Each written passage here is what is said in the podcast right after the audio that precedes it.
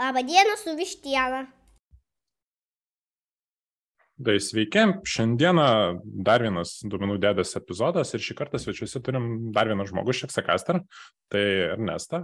Tai su Ernestu aš iš tikrųjų norėčiau pakalbėti apie, uh, nenoriu labai versti aš to termino į lietuvių kalbą, nes labai bijau neteisingai išversti ir apie high performance komandas, jų sudėtis dedamasias, na ir viską, kas susiję bendrai uh, šią temą. Bet aišku, kaip ir standartiškai, prieš keliaujant ir aptariant ar padiskutuojant vienokius ir kitokius klausimus susijusius su šia tema, tai visą laiką būtų smagu išgirsti apie pašnekovą daugiau, kokias jo patirtis, šiaip bendrai. Tai gal ir nes tai prisistatyka.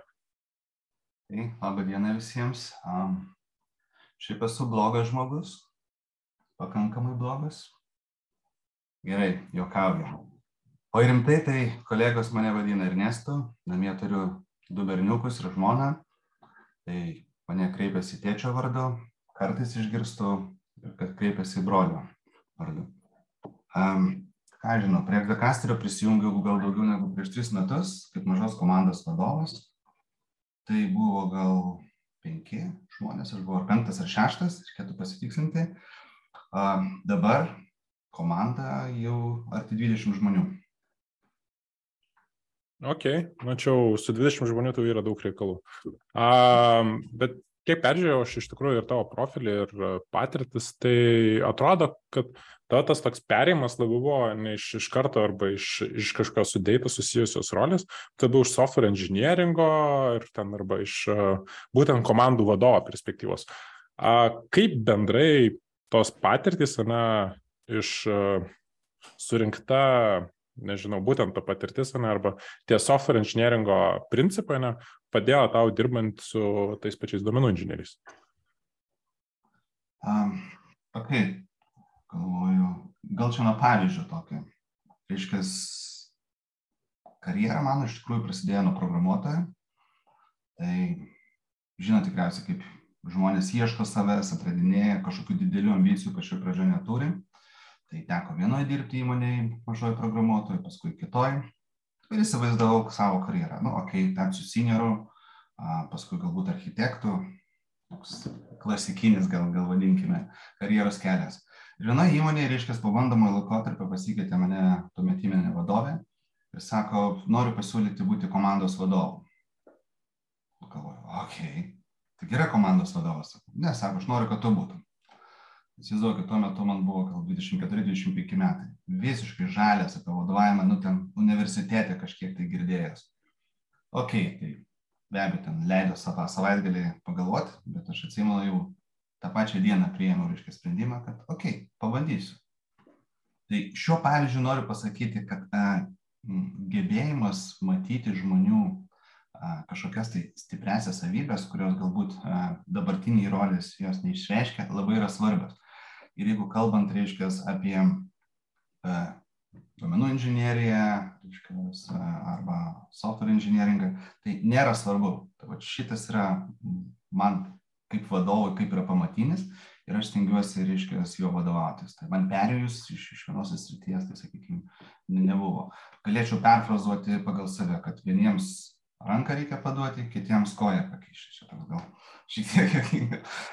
Va, e, jeigu kalbėti, reiškia, apie ateimą į, mm, reiškia, duomenų pasaulį, taip, nesvarbu, ar tai būtų, reiškia, inžinierius, ar analitikas, ar net vadovas, tai mano nuomonė labai yra svarbu techniniai pagrindai, pamatai.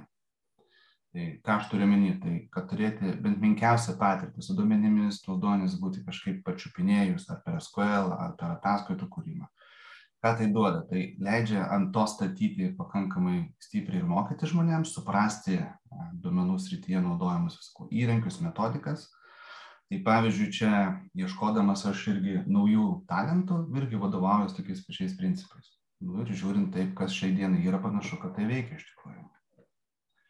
Um, be abejo jeigu taip tęsiant šiek tiek į vadovus tai manau kad techninės žinios kalbant apie inžinierių komandos vadovus, tai yra toks mas dalykas. Ok. O tada vat, būtent su tais 20 žmonių, tai man tada natūraliai kyla klausimas, tai kaip tavo rolė tada atrodo dabar? Ne? Tai yra būtent ta lyderystės ar vadovo rolė, ar kaip būna situacijoje, žaidžiantys treneriai, kur padeda susitiguoti dalykus, bet kartu ir dar prisideda. Mhm. Jo, tai jeigu vėl taip, nuo pradžių pabandant papasakoti, tai prisijungiant prie Execaster, lydinti komandą, turėjau ambicijų ir domenų inžinieriaus, reiškia, gauti praktinės patirties. Visą gyvenimą su software inžinieringu, čia yra, reiškia, data inžinieringas. Tačiau, ši, ši, kaip, kaip čia pasakas, e, tas noras greitai ir pasibaigė, galima sakyti, net neprasidėjus. Taip, pasiėmiau pirmą savaitę, atsidariau gytą, pažiūrėjau kodą ir viskas čia nenoriu bandyti sakyti, kad čia kažkokia tai drama buvo ar dar kažkas, ar neišsipildžiusios svajonės. Paprasčiausiai tuo metu staptelėjau, susidėliojau savo prioritetus, už ką aš atsakingas, ką aš galiu daryti, ką aš galiu daryti gerai, ką, ką gali daryti kiti. Taip, ir pradėjom dirbti. Tai, tai nereiškia, kad tas ryškės technologijos man šioje srityje neįdomios. Per tuo laikotarpį pakankamai teko, vis, kaip pasakyti, pažinti tas technologijas, nu, pavyzdžiui, Snowflake'as, pačiupinėti, kas tai per dalykas. Dabar komandas yra padariusi ne vieną projektą su Snowflake'u. Ten, jeigu įmam cloudinį AWS, tai detaliai ką pastatyti, pasikvaryti, reiškia, sudaryti minimalų ingestioną domenų, reiškia, per API's. Jeigu kalbėti apie kažkokius didesnius dalykus, tai atsimenu, čia prie, prieš pat karantiną, man atrodo, buvo E, reiškia, mimetapus vaikščiau, tai netgi machine learningo vaizdo atpažinimo modelį prieš metų paleisti, reiškia, ir tada jį ten išbandyti, jau sukompiliuotą, reiškia, išaptreinintą. Tai aišku, tai viskas nėra nukreipta į tą profesionalų, vadinkime, duomenų inžinieringą, bet taip pat tą, tą supratimą, kas ir kaip kodėl veikia, kas kuo jungiasi, man yra svarbu.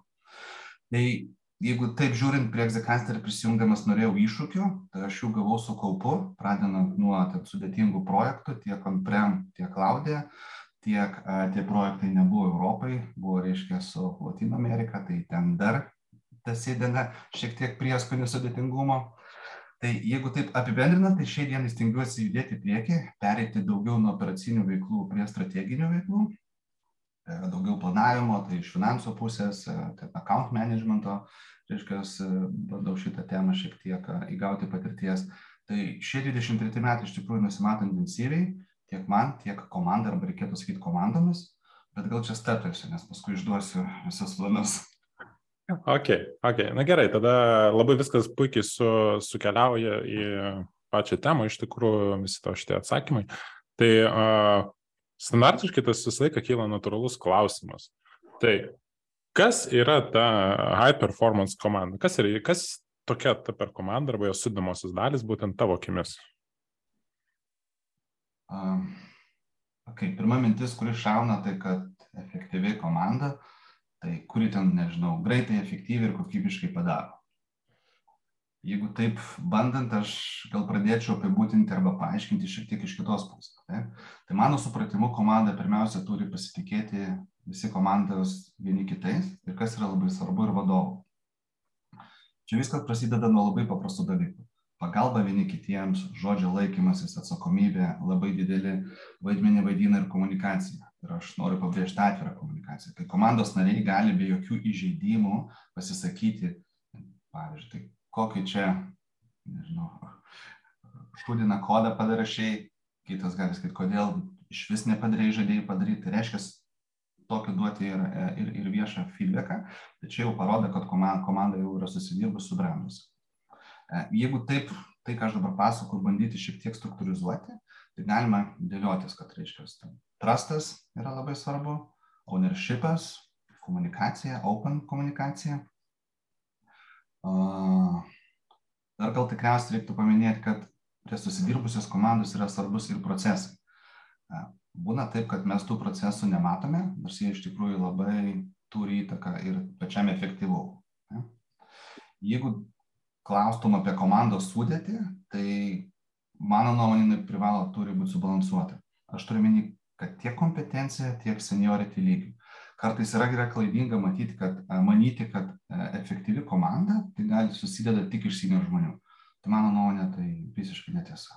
Mm, čia good point, nes iš tikrųjų dažniausiai paskui seniorų žmonės, vien iš seniorų jiems irgi trūksta iššūkių, jie irgi nori tada ir mentorinti ir realiai atsiranda tas noras būtent ir į tą leadership atreką pasibandyti vietomis, nes kai kurie tiesiog neįsivaizduoja, kaip kas bus. Tai jo, perinant paskui su mažiau patyrusiais, gaunasi įmonėse win-win situacija, kai užsiaugina gerą specialistą, iš tikrųjų duoda žmonėms užaukti ir išbalansuoja tokių įdomesnių užduočių duoda, ne tik tos standartinės programavimo. Mm. Ok, tai jo, gerai. O kaip to nuomonė tada atrodo komandos narys, tarkim, individas arba tiesiog būtent komandos narys, toj high performance komandoje, ne? nes manau, kad vis tiek jie turėtų kažkaip derintis arba atitikti tam tikrus kriterijus, ne? kad neiškreipytų vaizdą ir panašiai. Tai kaip tavo akimis toks žmogus atrodo? Ok, ten superstaro, manyčiau, mm, arba superžvaigždžių nebūna, arba gal kitaip reikėtų perfrazuoti, kad tai vėl čia yra klaidinga gal nuomonė, kad dažnai būna, kad norint komandos efektyvumą, tai reikia nusamdyti superstarą ir jis ten padarys viską. Mano nuomonė šiek tiek skiriasi nuo šito ir gal netgi patirtim remiasi. Tai um, iš tikrųjų, jeigu taip uh, per savo patirtį stebiu, kad uh, high performeriais gali būti kiekvienas komandos narys. Ir kartais iš tikrųjų nu, to nesuprasti. Tai performina. Jeigu kalbėti apie savybės, kokias reikia, tai mm, vietoje gal nėra tikslas pareklamuoti egzakasterio, reiškia, vertybės, bet jos labai alainimas. Tai vėl, pas tą komandos narį turi būti ownershipas. Growth, reiškia, noras aukti. Tada ta komunikacija, kurią, reiškia, minėjau. Meaningful relationships, santykiai, taip, ir be abejo, kad vis tiek mes darome produktą arba projektus klientui, tai customer sessions, tarsi visą orientaciją reiškia į klientą. Tai čia jeigu taip apibendrinant, tai reiškia, sakykime, turint šitas savybės, reiškia, komandos narys jau yra užprogramuotas būti high performer. Taip. Mhm. Dar mm, pavyzdžiais kažkokiais, kad, kad būtų aiškiau, tai mm, dar yra toks vienas momentas, kad kai žmonės dirba komandai, labai jie turi rolės. Taip? Tos rolės būna domenų inžinierius, analitikas, projekto vadovas, ten, testuotojas ir panašiai. Taip? Ir visi žinom, kad a, neįmanoma suplanuoti taip, kad programuotojas reiškia padaro, antradienį pabaigė, trečiadienį paėmė, reiškia, analitikas, paskui testuotas. Tai? Ir kur šitoje vietoje išiškėja, reiškia, efektyvumas, kai komandos narys, matydamas, reiškia, tą bendrą tikslą, jaučia ir padaro kito kolegos arba kitos rolės darbą tai labai dažnai stebiu tokią situaciją, kai, pavyzdžiui, inžinierius paima ir padaro, reiškia, analitiko darbą, taip? arba atvirkščiai. Nes nėra tokios labai griežtos linijos, kur baigėsi duomenų inžinierius ir kur prasideda duomenų analitiko. Taip?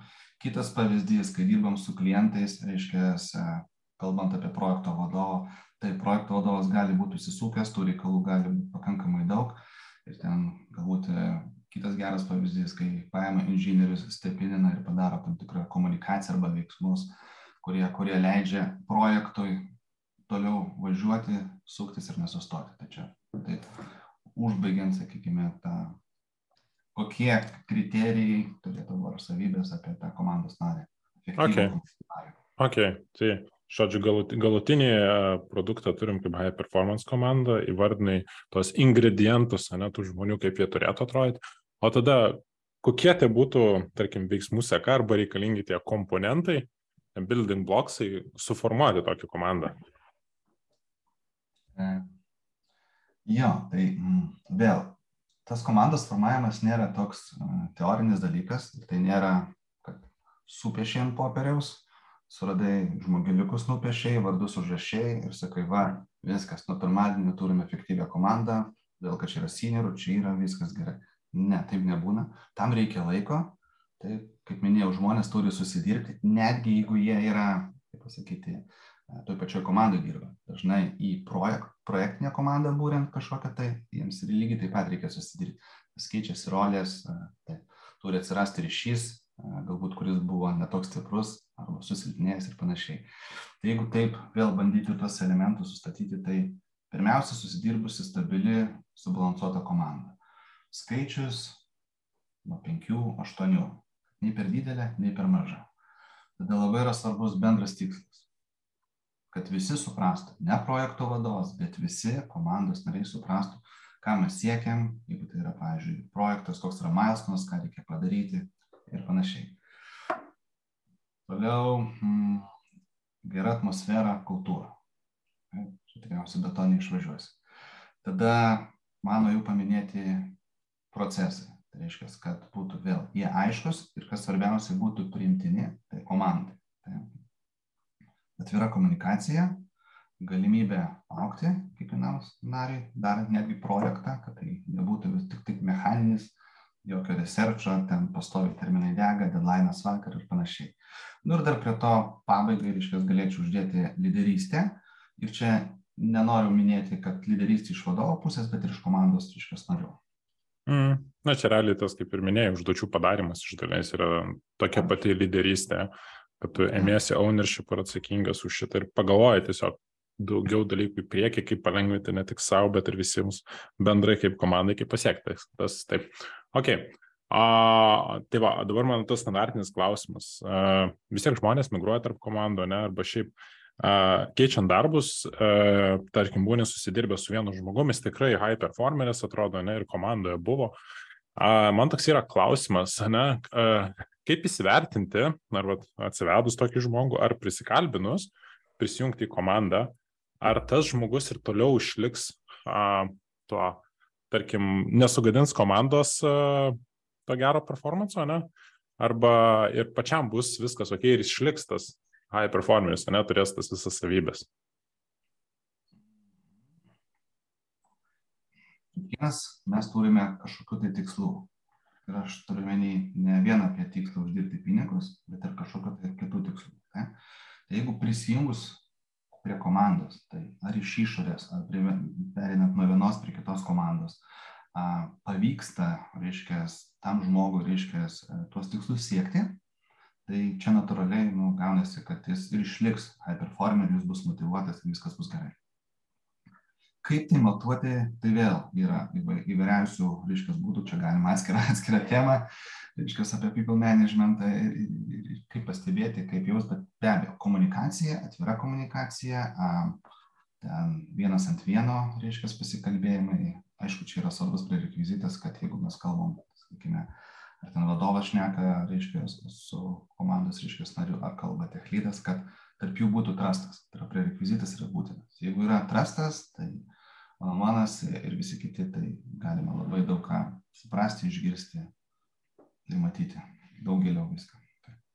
Ok, tu paminėjai apie trastą, ne, šitus pokalbius. Man tada įdomu, kaip Nu ir bendrai, ne, vienas iš komponentų buvo ir kultūra paminėta, ne, tavo ir atmosfera. Kaip tada įstikinti arba įvertinti, kad um, motivacija arba tas pats būtent kultūrinė komandos, tarkim, atmosfera yra tinkama, nu, pamatuoti temperatūrą. Ar viskas ok ar ne? Ok, komanda, aš sakyčiau, kad e, yra gyvas organizmas, jis priklauso nuo daug aplinkybių. Ir būna visokių ups and down. Taip. Netgi žmogaus asmeninis gyvenimas irgi takoja darbinės komandos klimatą, tiesiog arba netiesiogiai. Ir iš čia gali ateiti į, į, į, įvairius motivacijos sviravimai. Taip, juos sunku, labai labai sunku nustatyti, suprasti, bet jeigu ta veikla, kaip pasakyti, nukreipta ir tu iš tikrųjų tai nori pastebėti, tai tikrai įmanoma. Nėra aišku tokios vienos taisyklės, kaip užtikrinti motivaciją ar gerą klimatą. Tai mhm. yra bazinių paprastų dalykų, tokių kaip, pavyzdžiui, ačiū pasakymas. Tai? Mhm. A, ten, nežinau, kitas galbūt banalus nuskambėjęs, tas visi celebrationai, milestone paminėjimas kažkoks. Tai? Tada reikia labai um, gebėti pailsėti kartu, aptarti rezultatus, ten, nežinau, ar tai už mėnesį, ar už ketvirtį, ar net už porą savaičių. Jeigu toliau tęsti apie motivaciją, tai IT pasaulyje iš tikrųjų noriu išskirti tą mokymąsi, kad kiekvienas darydamas taskus nori sužinoti kažką naujo, nori išmokti. Taip, mini researchas, kaip juos be pavadintų. Jeigu tai, sakykime, jie daro, gali daryti, tai natūralu, kad tai kyla žmogaus motivacija, kuo daugiau motivuotų žmonių komandai, tai susidaro geras klimatas ir pati komanda motivuota. Tai sakyčiau gal taip. Ok. O vat dabar galvoju, pandemija nutiko, ne, reikėjo visiems adaptuotis prie tokio darbo iš namų, ne, dabar jau kaip ir grįžinėja iš to darbo iš namų į labiau tą hybridinį modelį ne, ir visi šitie dalykai. Kaip tada vat, būtent tas taisyklės pritaikyti tiem naujoms normoms, ne, arba kaip užtikrinti, kad, pavyzdžiui, komanda, kuri yra, tarkim, nežinau, kitoje lokacijoje ne, arba kitoje vietoje, nu, tai tarkim, ar jinai visiškai fully remote, ar, tarkim, dalis ateina į ofisą, ne kita dalis remote prisijungia, kaip užtikrinti, kad visi jaustusi, um, tarkim, laimingi, patenkinti, nežinau, to mikroklimato irgi patikrinimas, kaip įtakoja. Žodžiu, kaip, kaip dirbti tada pagal šitus principus, ne, ir užsitikrinti high performance komandą, jeigu komandos nariai nėra vienoje lokacijoje? Nu, tikriausiai IT pasaulio darbas iš namų egzistavo jau prieš karantiną. Tai, tai nėra kažkokia tai naujiena, tai netgi ir būdavo, kad ten darbas iš namų, reiškia, dirbdavo, tai tie, sakykime, įgūdžiai arba principai, tai jie jau, tai, sus, kaip pasakyti, nusistovėję. Aišku, nuotoliniai komandai galėjo tie patys principus, kuriuos minėjau, reiškia, ir apie tai, visi.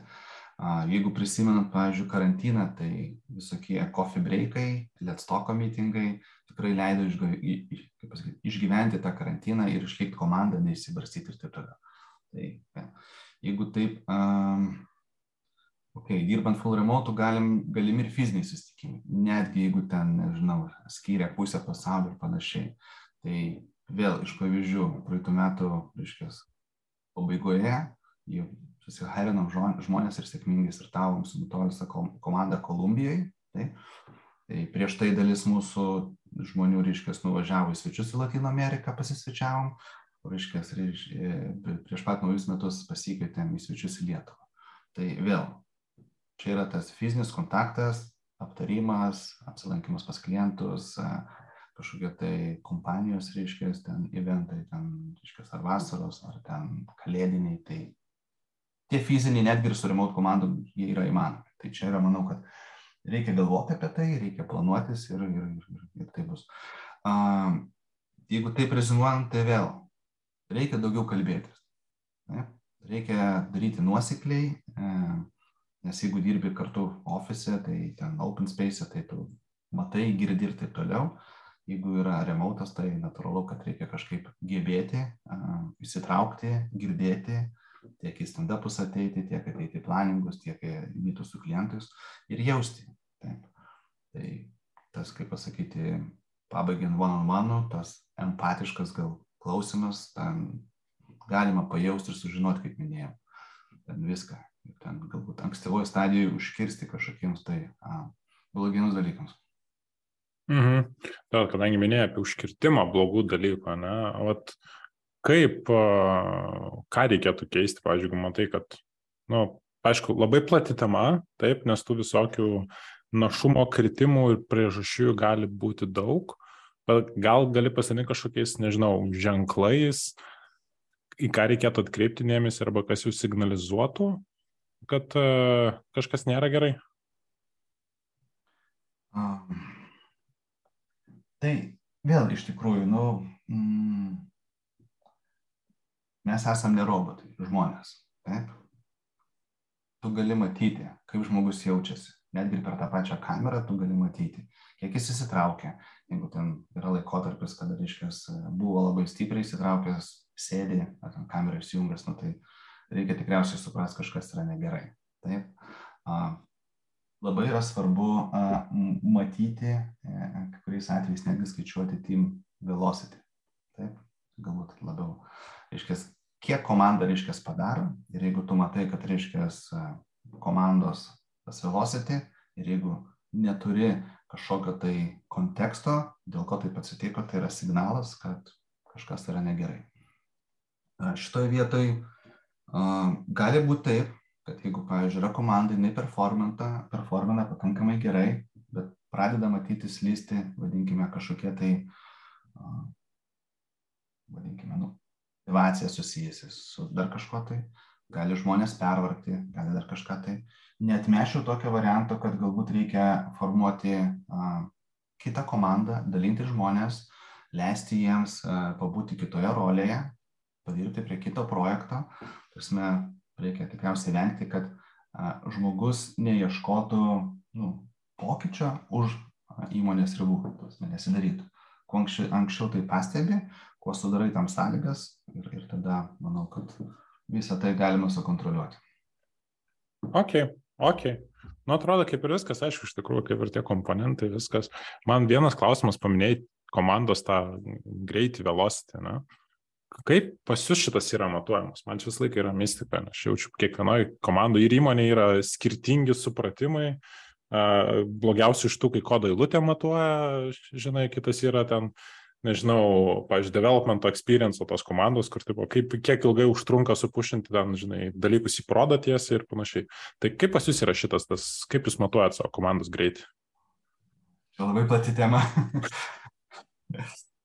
okay, gal yra taip, kad taip, jeigu eiti nuo praktiko, nuo teorijos, sakykime, imti, pavyzdžiui, Agile, Scrumą, nu, tai tikriausiai istorija pointai, ten tie arba papūgų skaičiavimas, ten ir kiek jų padaroma, yra būtų vienas dalykas.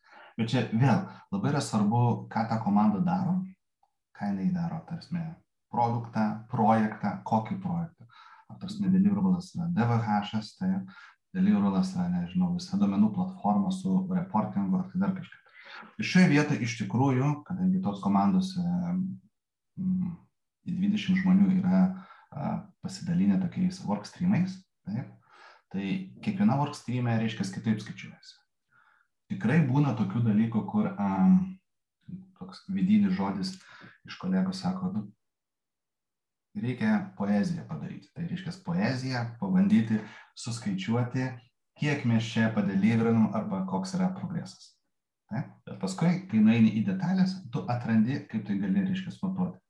Ar, ar, ar tai, reiškia, yra padarytas rezultatas, ar tai yra įimimas, jeigu labai yra kažkoks backlogas iš backlogo, reiškia, ir žiūrint, kaip viskas, ir tada pasimatuoja, reiškia. Čia gal pabrėžti tokį dalyką, kad valandų suburninimas a, jokiais būdais nereiškia, kad jeigu ten suburnino, ten nežinau, ten šimtą, o ten projektas yra 200 valandų, tai kad būtinai progresas ir yra, reiškia, 50 procentų. Tai, tai va, gal neatsakiau labai taip tiksliai, gal tik tokius platesnius pamastymus šitoje vietoje. Bet jo, tai iš, iš, iš, iš, iš, iš vienos pusės skaičių jo, bet jo, kaip ir sakai, čia plati tema, kiekvienas turi savo metodologiją, savo įsivaizdavimus, kaip būtent tokias metrikas, uh, tarkim, matuotis arba jas sus, susigalvoti vietomis, kur tai yra nauja. Ok. Uh, nežinau, man atrodo, liktais aš viską, kas mane domina, iš tikrųjų pasiklausinėjau. Na, aišku, standartiškai, tai aš visą laiką klausiu pabaigoje tinklalaidės. Uh, Gal turi kažkokių rekomendacijų susijusių su tomis pačiomis high performance komandomis? Ok, jeigu mes kalbėtumėm apie uh, rekomendaciją, reiškia, vadovams arba tech lydams, reiškia, kurie vienai per kitaip lydina arba pradėjo lydinti arba to. Tai gal lyderystė, tas žodis ir visa, ką tai susiję, reikėtų nuo to pradėti nes tai vienaip ar kitaip susijęs su, reiškia, komanda. Tai kad nebūtų, kaip ir sakiau, įsivaizdavimo, kad lyderis, ta prasme, tik tai vadovas lyderis, kaip juos pamatyti lyderius, ten tikriausiai bus atsakymų, reiškia, ir apie efektyvę komandą, bus galima apie efektyvos komandos formavimo, ten bus galima surasti tikriausiai apie visus apie komandos, reiškia, ten storming, norming ir visus kitas stadijas. Tai pasiimti kažkokios ten, nežinau, iš top penkių knygų, kurios skirtos apie lyderystę, pasižiūrėti, kurios labiausiai tinkamos, imti jas ir, ir, ir skaityti. Ir tada dėliotis savo kažkokią tai tokį, vadinkime, reiškia, supratimą, kartais netgi paimti ir praktikoje panaudoti ką knygų perskaitai, paeksperimentuoti, nebijoti paeksperimentuoti. Mm.